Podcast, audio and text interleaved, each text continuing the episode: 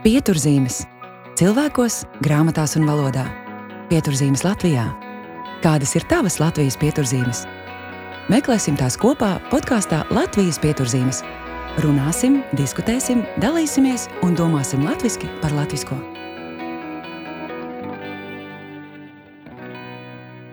Labdien!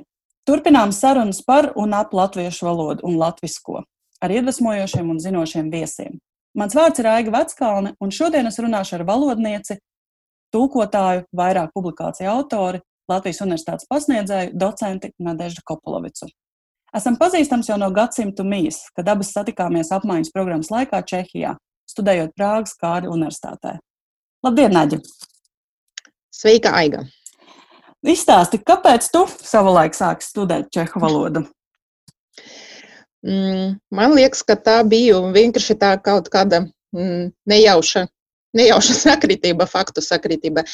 Vienkārši bija tā, ka mm, tajā gada piedāvāja mācīties vai poļu valodu, vai čehu valodu, līdz ar to, ka mans vectēvs ir polis, un es tā kā poliski, nu, diezgan labi saprotu, tad man tā laika bija interesantāk un liet, liekas kaut kā noderīgāk iemācīties no nulles kādu citu valodu, un tādēļ es izvēlējos čehu valodu. Es tā, tā laika vispār neko par šo valodu nebiju zinājusi, e, nebiju dzirdējusi, un tā, tā, tā bija pilnīgi sveša man valoda. Piemēram, manā dzīvē tā arī bija sava veida tāda liktenīga nejaušība. Un interesanti, ka tā čehu valoda man pēc tam kļuva par nu, tādu pagriezienu dzīvē.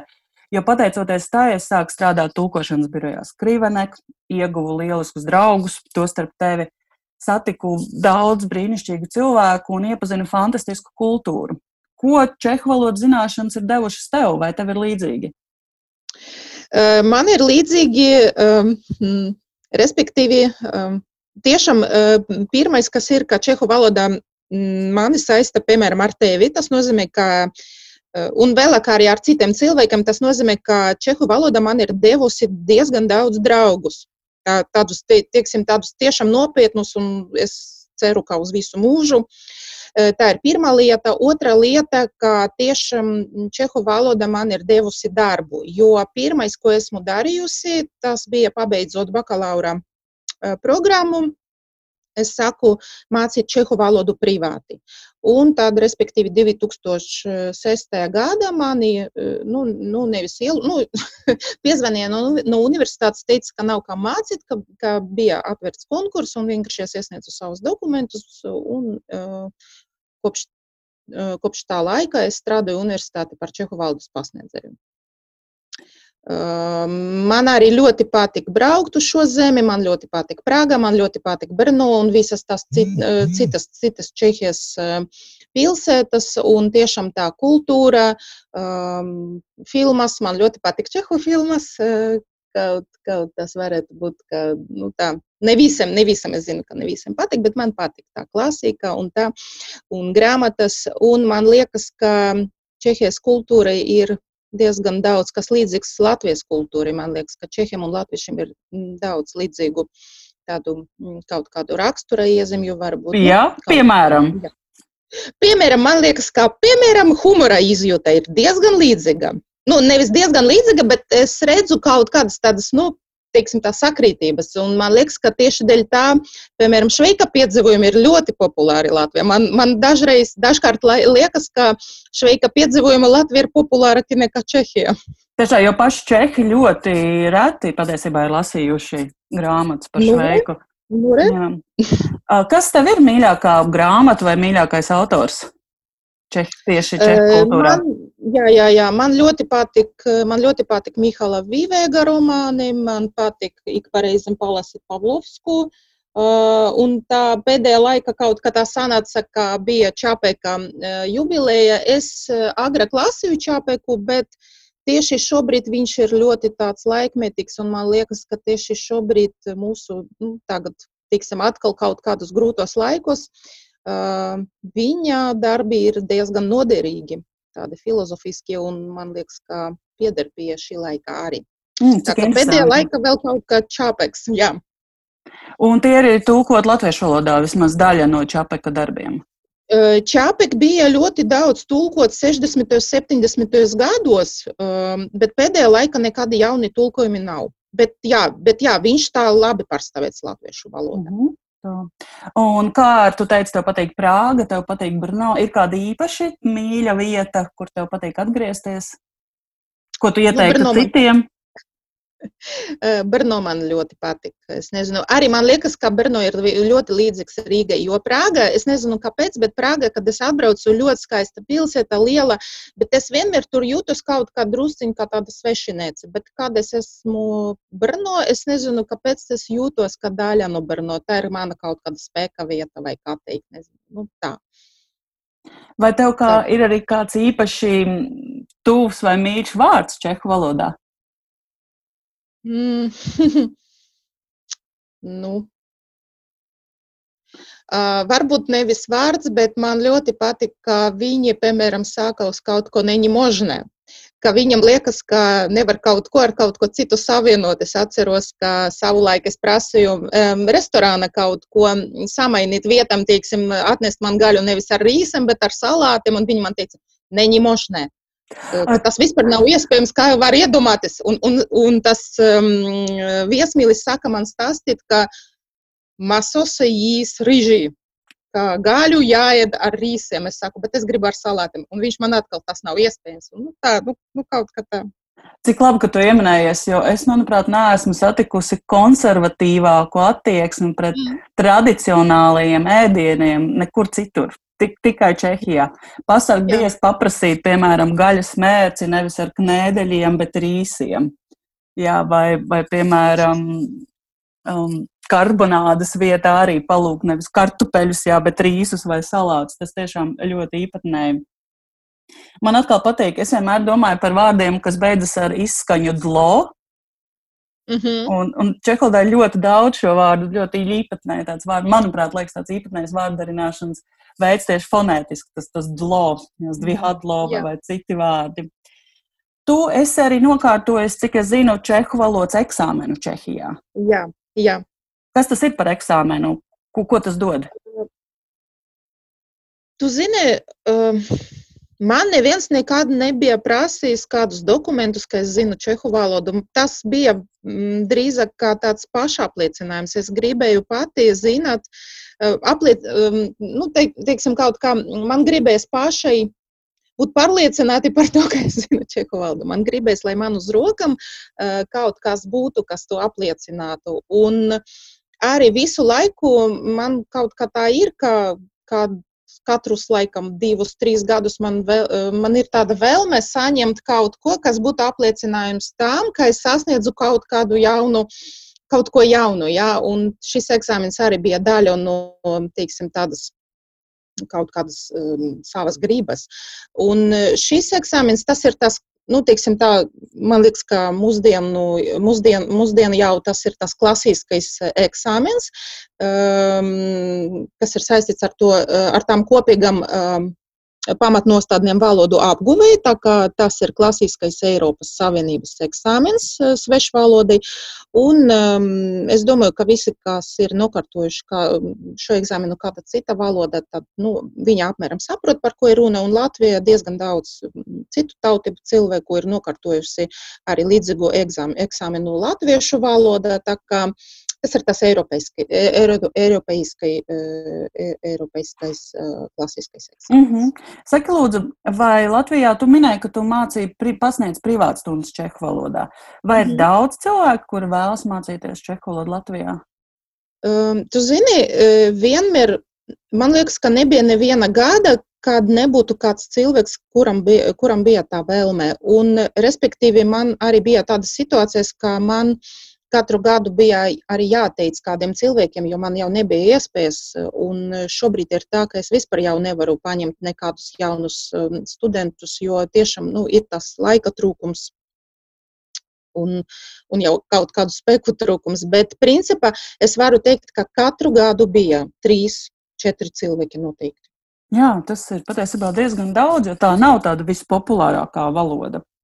Jā, un tie cilvēki, viņi vienmēr uh, to uztvera ļoti nopietni, un tas nozīmē, ka tie trīs vai četri vai pieci cilvēki, ka viņi mācīs veselu gadu, kas arī ir rētums. Jo parasti ir tā, ka cilvēks, viņš iedomājas, ka viņš vēlas apgūt kādu svešu valodu, viņam sākumā tā it kā, nu, viņam liekas, ka viņš var izdarīt visu, bet, nu, es domāju, ka tu arī zini, ka uh, pēc tur trim, četram, piecam lekcijām tās entuziasms kaut kur pazūd. Jā, bet šie cilvēki tiešām bija ļoti motivēti, un tas nozīmē, ka man tie studenti bija tiešām veselu gadu.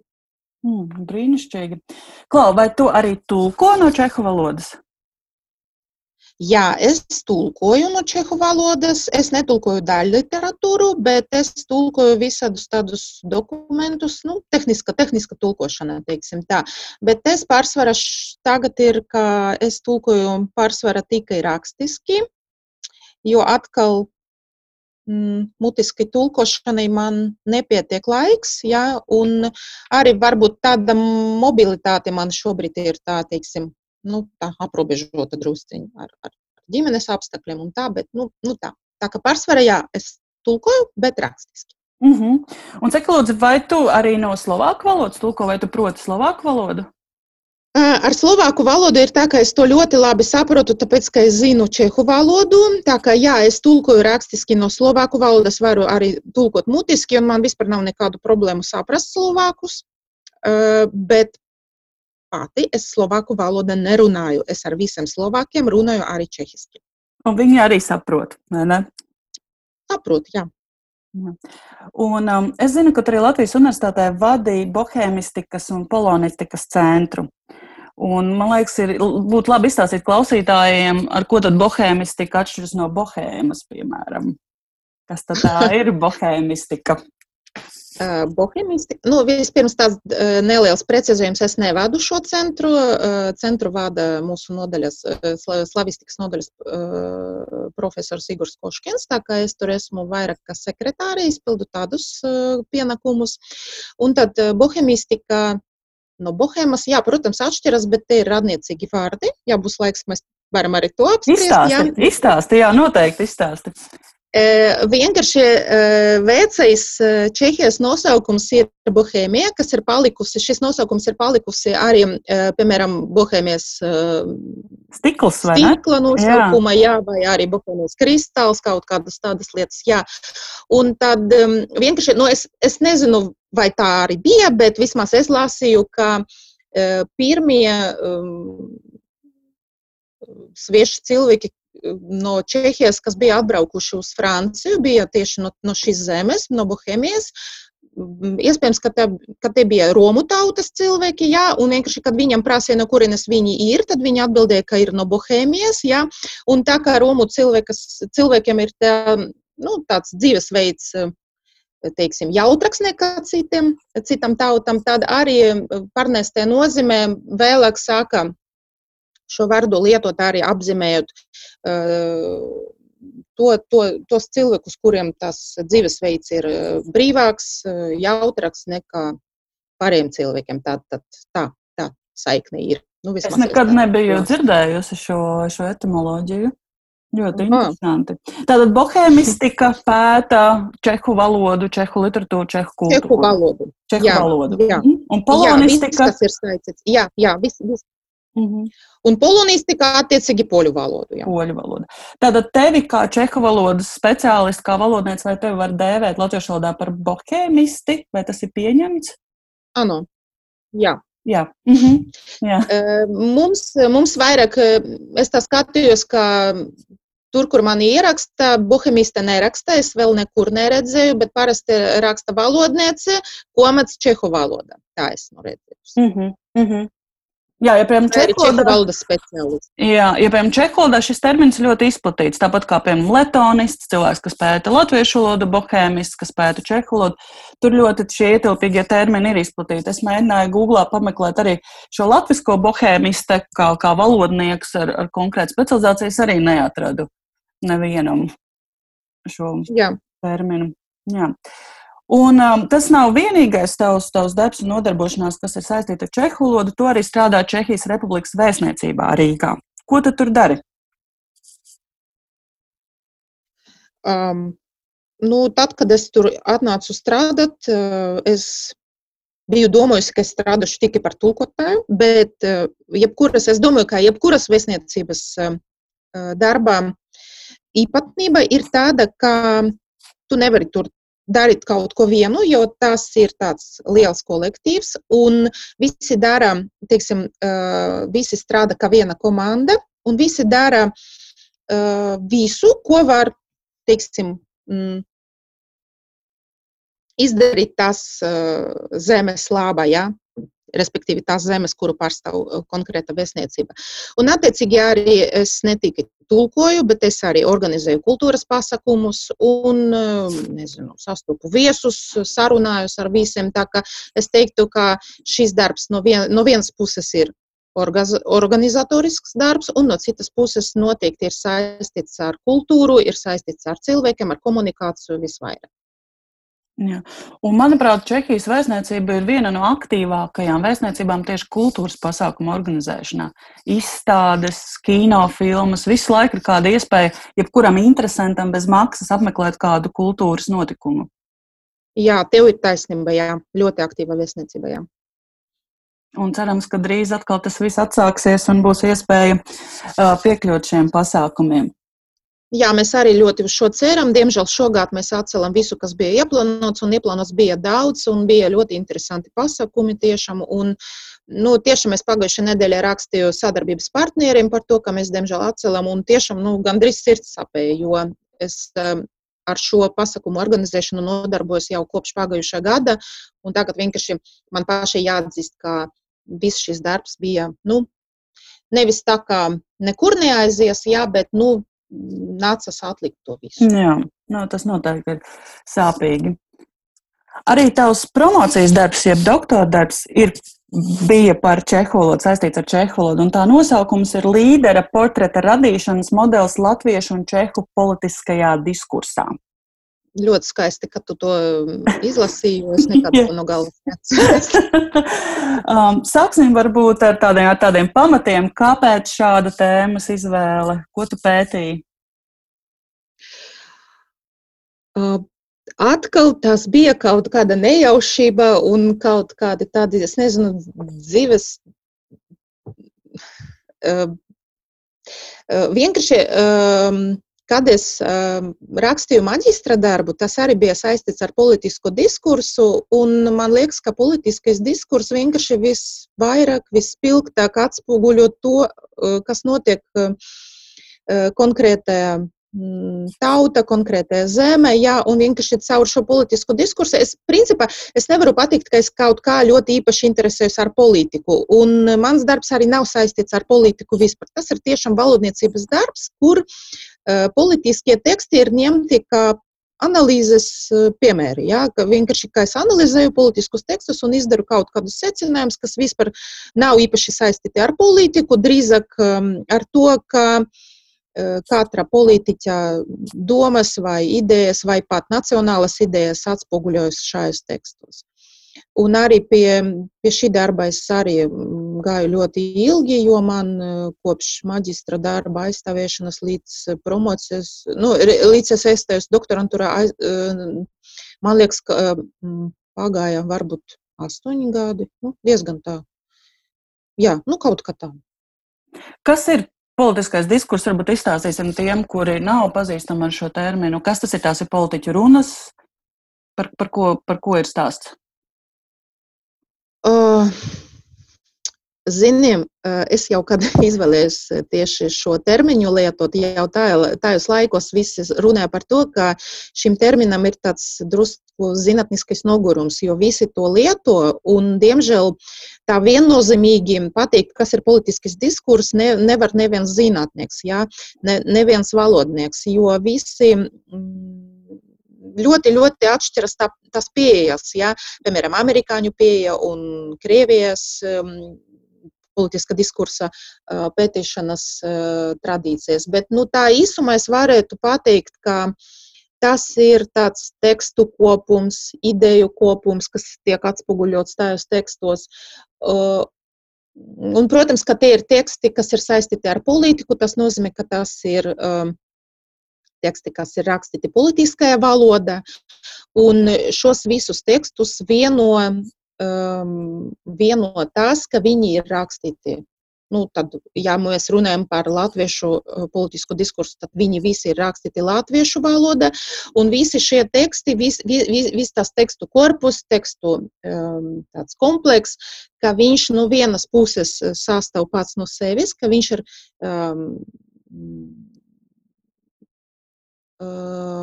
ir iepriekšējo tekstu tāds kā konteksts, jā, bet no citas puses viss šis tekstu kompleks uh, rāda arī jaunus tekstus, arī tā ir politiskā diskursa iekšā. Tā, tas ir, tā, tā ir tāda kaut kāda, nu, kā viena krievu zinātniece Aruķunova, viņa teica, ka tas ir uh, runa egrem, egremdēta dzīve. Tā mm -hmm. ja mēs teiksim. Jā, un tu pētīji tieši tu pētīji tieši līdera portretu. Tas nozīmē, tad, ka tu apskatīji valstu vadītājus Čehijā un Latvijā. Un... Uh, nē, man, man nebija. Uh, es varu vienkārši nosaukt konkrētus vārdus, kas man mhm. galu galā sanāca. Ja?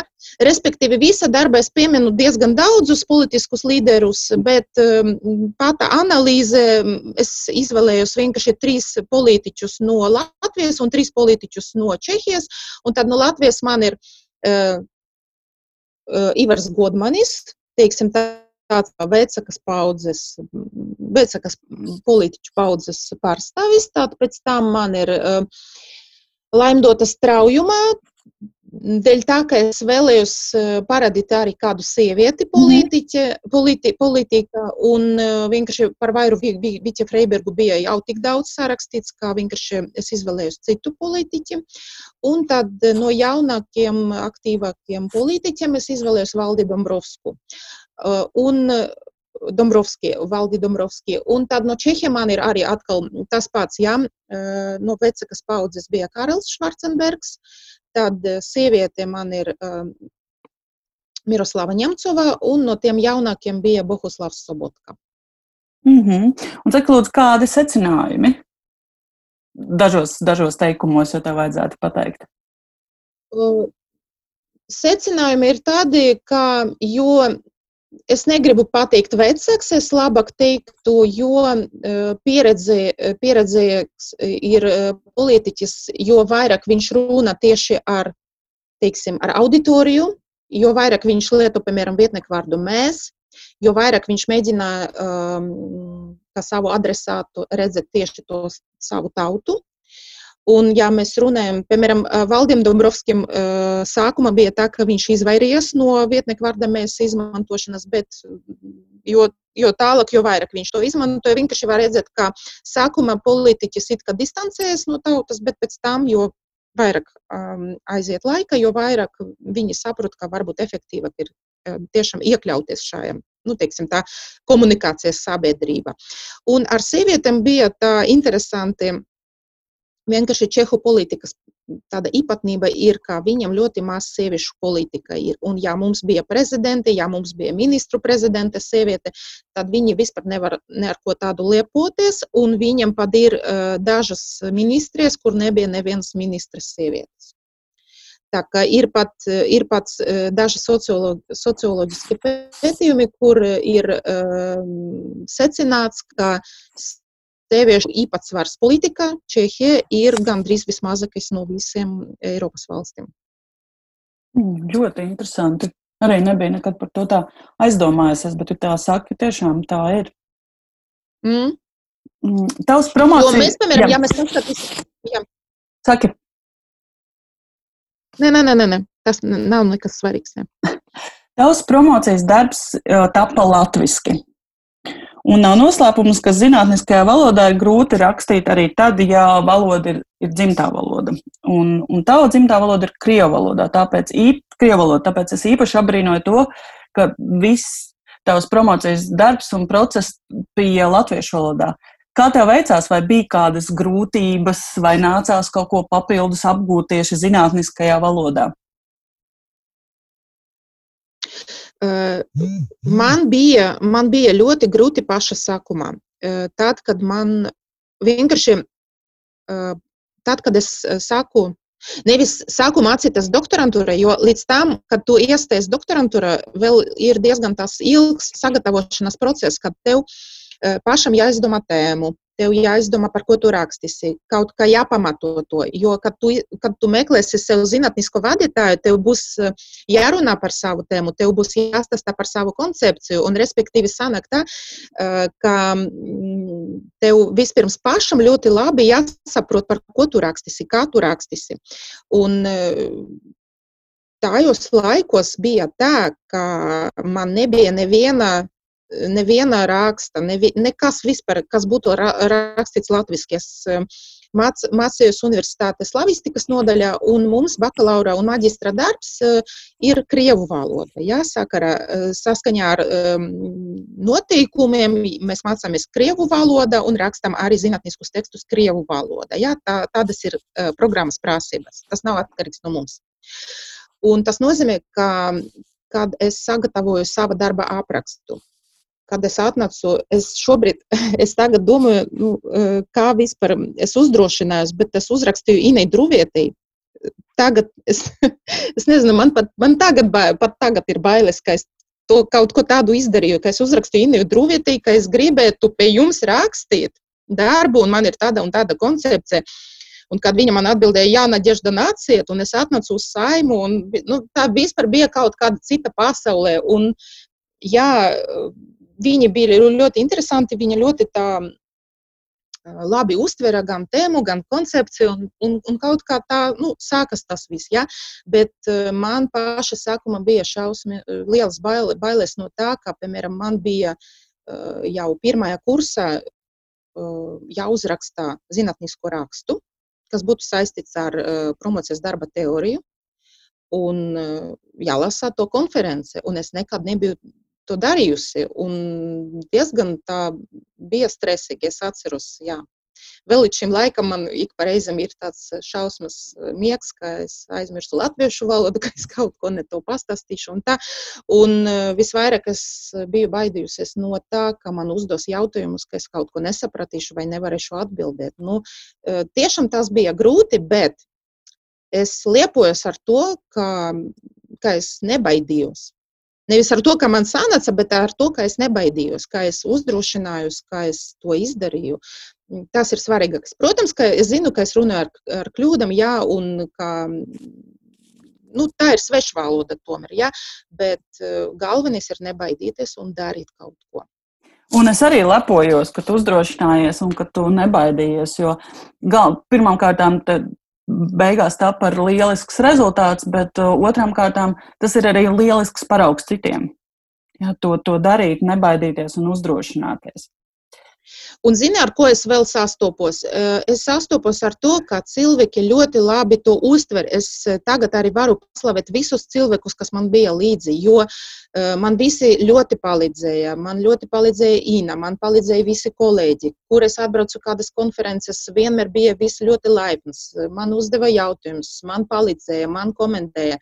Un es nekad nebiju to uztverusi, kā man kāds gribētu nodarīt pārējai. Es nekad nebiju apvainojusies par to, ka man kāds labu kādas kļūdas, jo es vienmēr to uztveru, ka tiešām cilvēks eh, vēlas to vēlas man palīdzēt. Es vienmēr to uztveru kā palīdzību. Un kas attiecas ar to, tu jautāji par, eh, kā es ehm, teiksim, tā, uzlaboju savas latviešu valodas zināšanas. Nu, pirmkārt, es ļoti daudz lasu. Es ļoti daudz lasu zinātnisko literatūru eh, latviešu valodā. Es ļoti daudz eh, skatījos svārnīcas, kā to un to pareizi pateikt. Eh, man bija arī konsultante, valodas konsultante, kura man palīdzēja ar kaut kādiem tādiem grūtākiem jautājumiem. Man ļoti palīdzēja Inna. Un, nu, es nezinu, tiešām vienmēr, vienmēr un līdz šai dienai blakus ir ļoti daudz labu cilvēku, kolēģu, kas man palīdz. Un milzīgs paldies par to. Un tikai patiesībā jāpārvar bailes un nav jābaidās lūgt palīdzību. Jā, arī tā. Jā, protams, jā. Tu ļoti labi runā latviešu. Un um, patiesībā tiešām tu esi brīnišķīgs paraugs jebkuram par to, kā, kā valodu var iemācīties visos līmeņos, arī šajā visgrūtākajā zinātniskajam. Vai tu arī šobrīd ikdienā lasi latviešu, vai dari kaut ko, lai zinātu, Jā, protams, protams. Protams, es ļoti daudz lasu latviešu, un arī es sastapos piemēram ar tādām lietām, kā es pasniedzu uh, tulkošanas teoriju un praksi, un ir piemēram uh, brīnišķīgas Zaubergas um, grāmatas, jā, mācību par uh, tulkošanu, un es lasu, piemēram, to latviešu, kaut es pēc tam to pasniedzu krieviski, bet es varu secināt, ka pagaidām man neizdevās atrast neko, kas būtu rakstīts krievu valodā un kas būtu tik augsta līmenī, piemēram ja, kas attiecas uz um, tulkošanas teoriju, ko es pēc tam varu pastāstīt studentam. Tā kā es pat varu pateikt, ka es izmantoju, piemēram, uh, la, grāmatas latviešu valodā, lai pēc tam to uh, pasniegtu krievu valodā. Jā, kompliments Ievai Zaubergai. Tiešām. Jā. Mm, parunājām par latviešu valodas ietekmi uz Latvijas krievu dzimto valodu. Jo vienmēr ir tā, ka valodnieki, jo īpaši runā par to, cik ļoti krievu valodu gadu desmitiem ir ietekmējusi latviešu valodu un visbiežāk negatīvi, bet reti tiek apskatīta šīs miedarbības otra puse. Tad es, piemēram, esmu dzirdējis tāds brīnišķīgs piemērs, kā Latvijas krievu valodā ieviesušies vārdi kā paprika, tomāts, mm -hmm. rabarber, vai šie saīsinājumi, vai ne šis PVN, vid, sija, tie netiek tulkot. Tu noteikti zini vēl citus piemērus. Kas tev nāk prātā? Um, Cidonija, piemēram. Uh, jo uh, krievu valoda šis vairs nav, tā ir kaut kāda japoniskā aivā, kaut kas tāds, jā. Un, tos, un mums ļoti daudz to cidoniju vis, visur izmanto, un arī, kad um, man ir tie pirm, pirmas lekcijas uh, tulkošanas teorija un praksa, es vienmēr jautāju studentam, kā jūs pārtulkosiet, piemēram, cidonija, piparkūkas, rabarbers. Nu, vēl, mm -hmm. es, es, man arī tagad grūti uzreiz atcerēties to visu. Um, un viņi vienmēr atbild, nu, nu kā cidonija, rabarbera, nu tā, kā ir, tā ir. Un es, viņi ļoti brīnās vienmēr, ka tomēr citas valodas šis vārds nepastāv. Un, un ka būs jāmeklē tas, tas tulkošanas kaut kāds variants pareizāks. Es esmu dzirdējis arī tādas frāzes, kā piemēram, što pažalsta, kas latviešu valodā ir ko lūdzu. Jā, jā, jā. jā. Vai, piemēram, tā, šausmas, krievaldā saka arī kādas šausmas, vai ne, mm -hmm. kad tu, kad tu pārnes. Jā. Jā, principā es varu teikt, ka jo tālāk, jo vairāk ir tie, teiksim, tas, nu, tie kalki no latviešu valodas, gan sintaktiskie kalki, gan arī, piemēram, tas nu, nu, vārdu. Un noteikti tu zini arī par to, ka, piemēram, latviešu valodā mēs sākam sadarbības partneris vai darba kolēģis vai kaut kas tāds. Jā, un arī tās ietekmē ļoti krievu valodu, kas saka runāt partneru pasatrunišķu, kas nav pareizi, jā, vai arī kolēga par abociem. Uh, Nu, tādas kaut kādas lietas. Un arī, piemēram, ehm, latviešu valoda ir tā konstrukcija, kad ir divdabja konstrukcijas, kas varētu būt bez subjekta. Jā, piemēram, mm -hmm. atskaņot signālam, atkāpieties no durvīm, kas krievu valodā arī nedrīkst tā teikt. Jā, prasbučāv signālu, ataidzīt at dvirī vai kaut kas tāds. Jā. Bet šīs konstrukcijas arī ļoti ietekmē um, jaunus cilvēkus, un viņi tā runa krieviski, bet tā ir uh, rupja kļūda krievu valodā. Mm -hmm. Bet tas nozīmē, ka Latvijā runātā krievu valoda tiešām atšķiras no Krievijā runātās krievu valodas. Noteikti, jā, noteikti, jā. jā, jā. Gan arī izrunas, izrunas ziņai, kad mēs runājam, piemēram, kad mums ir kaut kādas konferences, un pie mums atbrauc viesi kolēģi no Krievijas vai Baltkrievijas, piemēram, viņi vienmēr atzīmē, ka mēs runājam citādi, ka mums arī fonētiski ir cita izruna. Pat man jau ir cita izruna. Mēs runājam mīkstāk, mums tas frāžu galot, nu, nobeigumi ir drusku tādi citi, ja? arī tā klusāk. Un, nu, tā valoda jau, es domāju, ka diezgan krietni atšķiras no tas, no tas krievu valodas, kas ir krievu, Krievijā, piemēram, Krievijā, piemēram. Jā.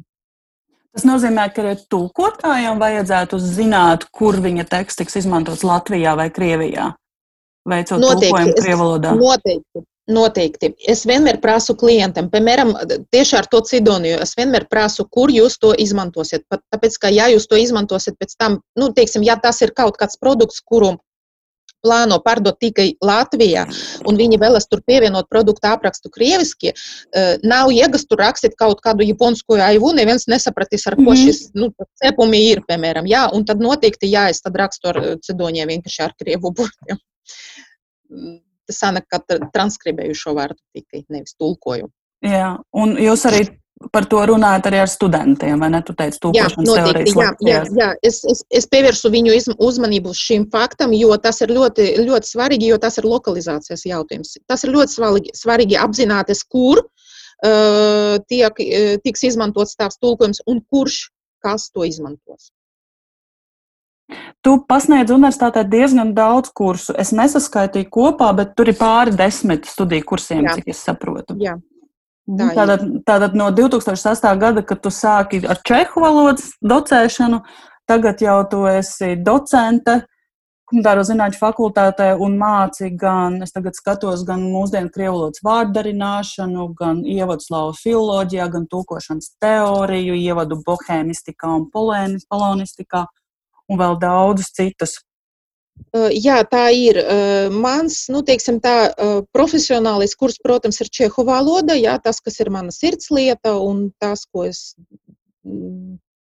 es domāju, tas kurs, kuram esmu sagatavota vislabāk. Ja? Bet daži kursi man vienkārši tiek um, pa, pasnie, nu, tā, atdoti no citiem pasniedzējiem, piemēram, kā vārdarināšana. Šo kursu vienkārši mēs sadalījām leksiko, leksikoloģiju. Mums tagad ir atsevišķi, un vārdarināšana ir atsevišķi. Ja? Un vienkārši tā bija, ka nebija kam lāsīt, un es paņēmu šo kursu. Bet ir arī kursi, ar kuriem es tiešām liepojos, kurus es izstrādāju pati, un kuri līdz līdz es atnāku, līdz es atnāku strādāt universitāti, nepastāvēja VUB vispār. Un tāds kurs ir, piemēram, tulkošanas teorija un prakse, tāds kurs ir um, tulkošanas praktikums slavu valodas, tā ir, piemēram, plašsaziņu līdzekļu analīze slavu valodas, tas ir ievads bohemistika un polonistika, respektīvi ļoti daudz kursu, kursu kas ir saistīti ar slavistiku, to es izveidoju pati, esmu šo, šo kursu autore un ar ar to es tiešām liepos, un es uh, zinu, ka tas ir ļoti noderīgi, jo studenti arī stāsta par to, ka agrāk čehu valoda bija tāda, kā zini, viena, vien, vienatne tāda kaut kā. Nu, viņi mācījās kā praktisku valodu un viss, bet tagad viņam ir iespēja saņemt arī tās zināšanas ārpus praktiskas valodas. Viņi saprot, kur ir tas čehu valodas vieta slavu valodu kopumā, jā, kur ir tā saikne ar slavistiku vispār, un viņam arī kaut kādas jaunas praktiskas iemaiņas, ka viņi prot analizēt, piemēram, tos pašus plašsaziņas līdzekļus, vai arī viņi prot iztulkot kaut ko, nu, teiksim, tādas kaut kādas lietas. Jā, tad gan teorētiskā, gan praktiskā skatījumā Jā. ir tāds sis, lielāks sistemātiskums šobrīd Jā. šajos slāvistikas kursos. Bet mm -hmm. kuras slāvu valodas šobrīd vispār var iemācīties humanitāro zinātņu fakultātē? Diemžēl situācija nav mainījusies, un es domāju, ka arī nemainīsies. Mums paliek tā krievu valoda, kā pamatvaloda, jā, respektīvi arī visas programmas nosaukums ir krievu valodas, krievu filoloģija, jā, un tad studentiem ir iespēja sākot no pirmā kursa otra semestra izvēlēties vai čehu vai poļu valodu. Respektīvi katru gadu tas mainās. Vienu gadu var izvēlēties čehu valodu un otru gadu tad poļu valodu. Tā kā, respektīvi, trīs slāvu valodas - krievu, čehu un poļu. Mm -hmm. Zakot, vai čehu valoda ir populāra studenti, labprāt to mācās? Um, tu zini, tas, es teiktu tā, jā, viņiem patīk, viņi to uztver kā Viņi to neuztver kā tādu akadēmisku, tādas akadēmiskas mācības. Viņam drīzāk tas ir um, tādas jautras stundas. Viņam patīk, ka mēs varam komunicēt par jebko, respektīvi, galvenais, lai tas būtu čehiski. Jā, tad viņi var stāstīt par savu dzīvi, par saviem interesēm un tā. Un, um, principā, viņi taču neizvēlas šo valodu, tā, teiksim, nu, tā godīgi sākot. Jā, viņi vienkārši izvēlas, kas viņi būs pēc savas orient, prof, profesionālas orientācijas, vai viņi būs valodnieki vai literatūras zinātnieki un tad visiem valodniekiem vien, vienkārši ir iespēja mācīties vēl kādu citu valodu. Bet noteikti vienmēr viņus priecē tas fakts, ka viņi var apgūt vēl kaut ko ārpus krievu valodas. Un tu par šiem gadiem, nu, cik jau mums iznāk 14 gadu kopš tu māci čehu valodu, sakot, vai tev nāk prātā kāds interesants piemērs, kur studenti, kuri apguva čehu valodu, pēc tam atrada tādus ļoti interesantus vai neparastas darba vietas tieši saistībā ar čehu valodu? Varbūt aizbrauc uz Čehiju Jā, ir studenti, kuri aizbrauca uz Čehiju. Piemēram, man bija tāds students Antons, tu noteikti viņu arī pazīsti, bet viņš pie mums pabeidza to krievu filoloģiju, bet viņš tagad strādā Čehijā, Prāga par galveno grāmatvēdi. Tā kā viņš izvēlējās. Sāk ar slāvu filoloģiju un tagad galvenais grāmatvedis. Jā. Un, nu, tu man arī vienmēr esi spilgts piemērs tam, kā var pielietot savas e, čehu valodas zināšanas. Arī no filoloģijas e, līdz uzņē, uzņēmēji. Jā, patiesībā tieši tā valodas zināšanas bieži vien ir tāds labs instruments, labs rīks, ko var izmantot jeb, jebkurā jomā. Cik es saprotu, nu, mūsu laikā tā bija īpašs īpaš apmaiņas uh, līgums starp divām universitātēm. Šobrīd tās ir Erasmus un citas iespējas. Ir daudz iespēju braukt un mācīties čehu valodu studentiem tieši. Jā, pirmkārt, viņi var izvēlēties braukt ar Erasmus programmu, ko viņi arī nu, dara diezgan bieži. Un mums ir noslēgti līgumi ar Karla Universitāti un ar Masarika Universitāti Brno. Ir iespējas braukt uz Prāgu vai uz Brno. Erasmus līguma pamato, pamatā. Pēc tam katru gadu ir uh, valodas kursu, nu, vasaras skolas valodu kursu piedāvājums. Tur uh, vienmēr ir divas vietas Prāga un vieta viena vieta pulzeņā. Un vēl katru gadu ir 20 stipendijas. Katra stipendija ilgst vienu mēnesi, respektīvi, vai var braukt, piemēram, 10 studenti uz diviem mēnešiem, vai četri studenti uz pieciem mēnešiem, nu kaut kā tā. Ja? Un tad šo stipendiju var mm, izvēlēt, students pats izvēlēs, kur viņš vēlas braukt, uz kuru universitāti mācīties, uz kuru pilsētu viņš grib braukt. Ja? Tad viņš vienkārši tajā anketē ieraksta, kur viņš vēlas mācīties. Tā kā to iespēju ir diezgan daudz. Un tas ir visu līmeņu studijām, gan bakalaura, gan maģistra, gan doktorantūrai šīs stipendijas? Jā, jā, jā, jā. šo var izmantot. Jā. Man liekas, ka tie vasaras kursi, vasaras kursi, kursi vispār nav saistīti ar studentiem. Mm -hmm. Tur var braukt jebkurš cilvēks, kuram ir interese pret čehu valodu. Respektīvi, to var izmantot gan studenti, gan pētnieki, gan pasniedzēji, jā, gan darbinieki, visi. visi jā. Mm -hmm. Tā, tās iespējas tiešām fantastiskas. Tu pirms sarunas minēji, ka tagad tev ir novērojams, ka studenti brauc retāk un mazāk. Kāpēc Jā, tā? tā ir? Um, Nezinu, es to, man, nu, es vismaz, uh, es arī sarunājos par to ar saviem čehu kolēģiem, un mums tā kaut kā mm, ir tāds iespējas, ka no vienas puses studentiem tagad pārāk daudz piedāvā. Respektīvi, mūsu laikos, kad mēs braucam, tas piedāvājums bija ļoti šaurs, un uh, mums bija konkurss starp, jā, starp visiem studentiem. Es atceros, ka uh, skaitīja to kopējo uh, atzīmi, jā, kas, kas mums sanāk, jā, un tikai tie, kam ir augstākais uh, balss, vispār varēja uh, iesniegt savus dokumentus. Bet šobrīd konkurences nav piedāvājums ir ļoti plašs, un vienkārši studentiem liekas, ka tā, tās būs vienmēr. Un, ja viņi pat šogad nebrauks, tad nu, viņi var braukt pēc tam vēl, es nezinu, pēc pieciem gadiem, piemēram. Ja? Tā ir viena lieta. Otra lieta, ka viņi tagad ir. Um, man liekas, ka viņus tagad interesē tikai, tikai tādas lietas, kuras sniedz kaut kādu. Mm, tā aizmirsu vārdu. Nu, respektīvi, viņam gribas kaut ko saņemt uzreiz. Respektīvi, tūlītēju ieguvumu. Ja? Jā, jā, kaut mm -hmm. kādu tūlītēju ieguvumu. Viņi nedomā par to, kā tas viņam varētu palīdzēt perspektīva kaut kur tālu. Tas ir pārāk tālu. Viņam gribas iegūt kaut ko uzreiz. Un kaut ko uzreiz viņi saprot tā, kāda konkrēta atzīme par kādu konkrētu kursu un tā. Bet braukt un mācīties kaut kādu valodu vienkārši dēļ tā, lai mācītos, viņi to tagad, diemžēl, kaut kā mm, nevērtē. Un arī man liekas, ka viņam negribas pamest studijas, piemēram, jo pēc tam būs jāraksta pārsniedzējiem, jāsarunājas par to, kā viņi var atstrādāt šo, um, šos visus, šo, š, šis visas lietas, ko viņi palaida, ja? un viņam negribas vienkārši to darīt. Nu jā, tad sanāk, ka tas ir tāds īstermiņā sarežģītāk, un tad ilgtermiņa iegūmi var būt aizmirstas. Jā. jā.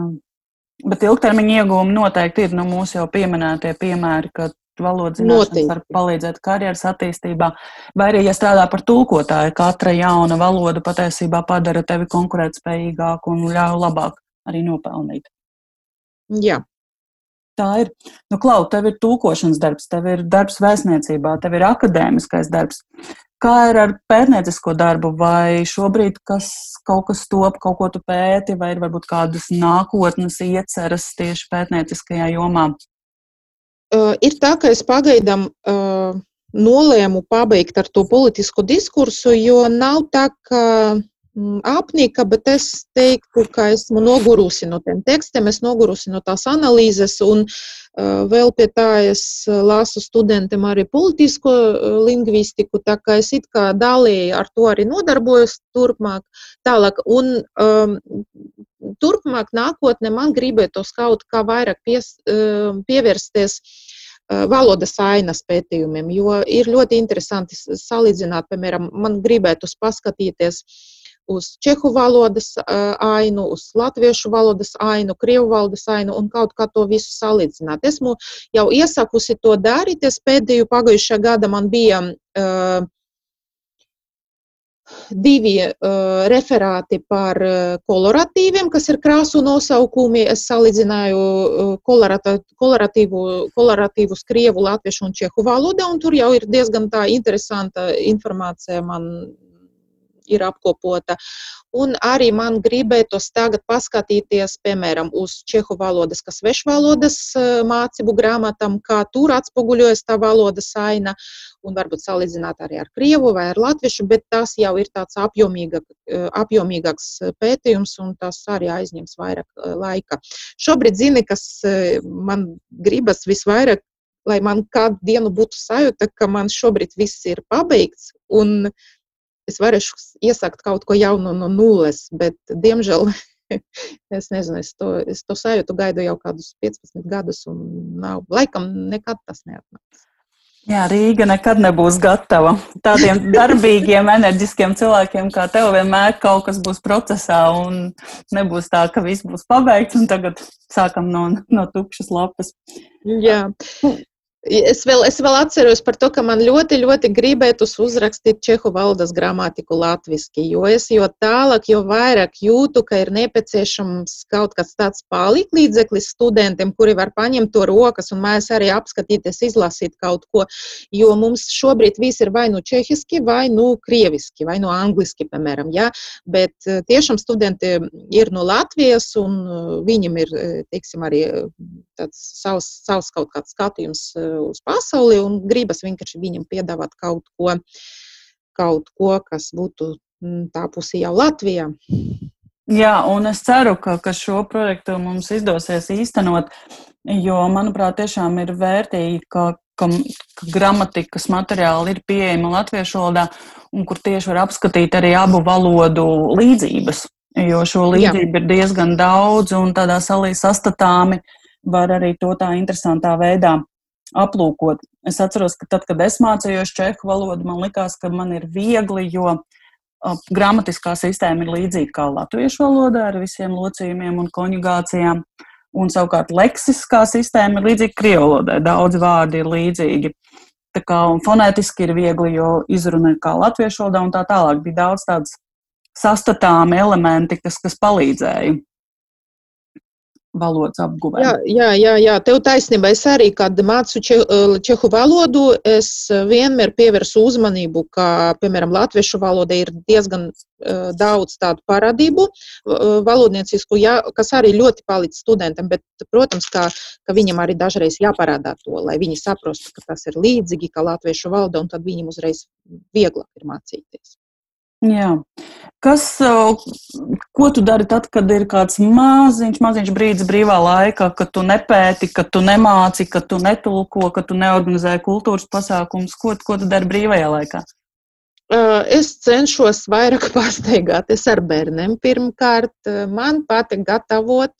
Es skait, meklēju kaut kādus interesantus receptus, ko var pagatavot. Piemēram, man ir grāmata, mm, kas arī ir latviešu valoda. Tur ir, eh, man liekas, es aizmirstu to nosaukumu, simts tortes un viens vecs, te kaut kas tāds, jā, un tur vienkārši ir simts tortes, simts, simtu toršu recepti, kas man arī gribētu to visu pagatavot, bet, nu, es tagad vēl esmu tikai 13. recepte, man liekas.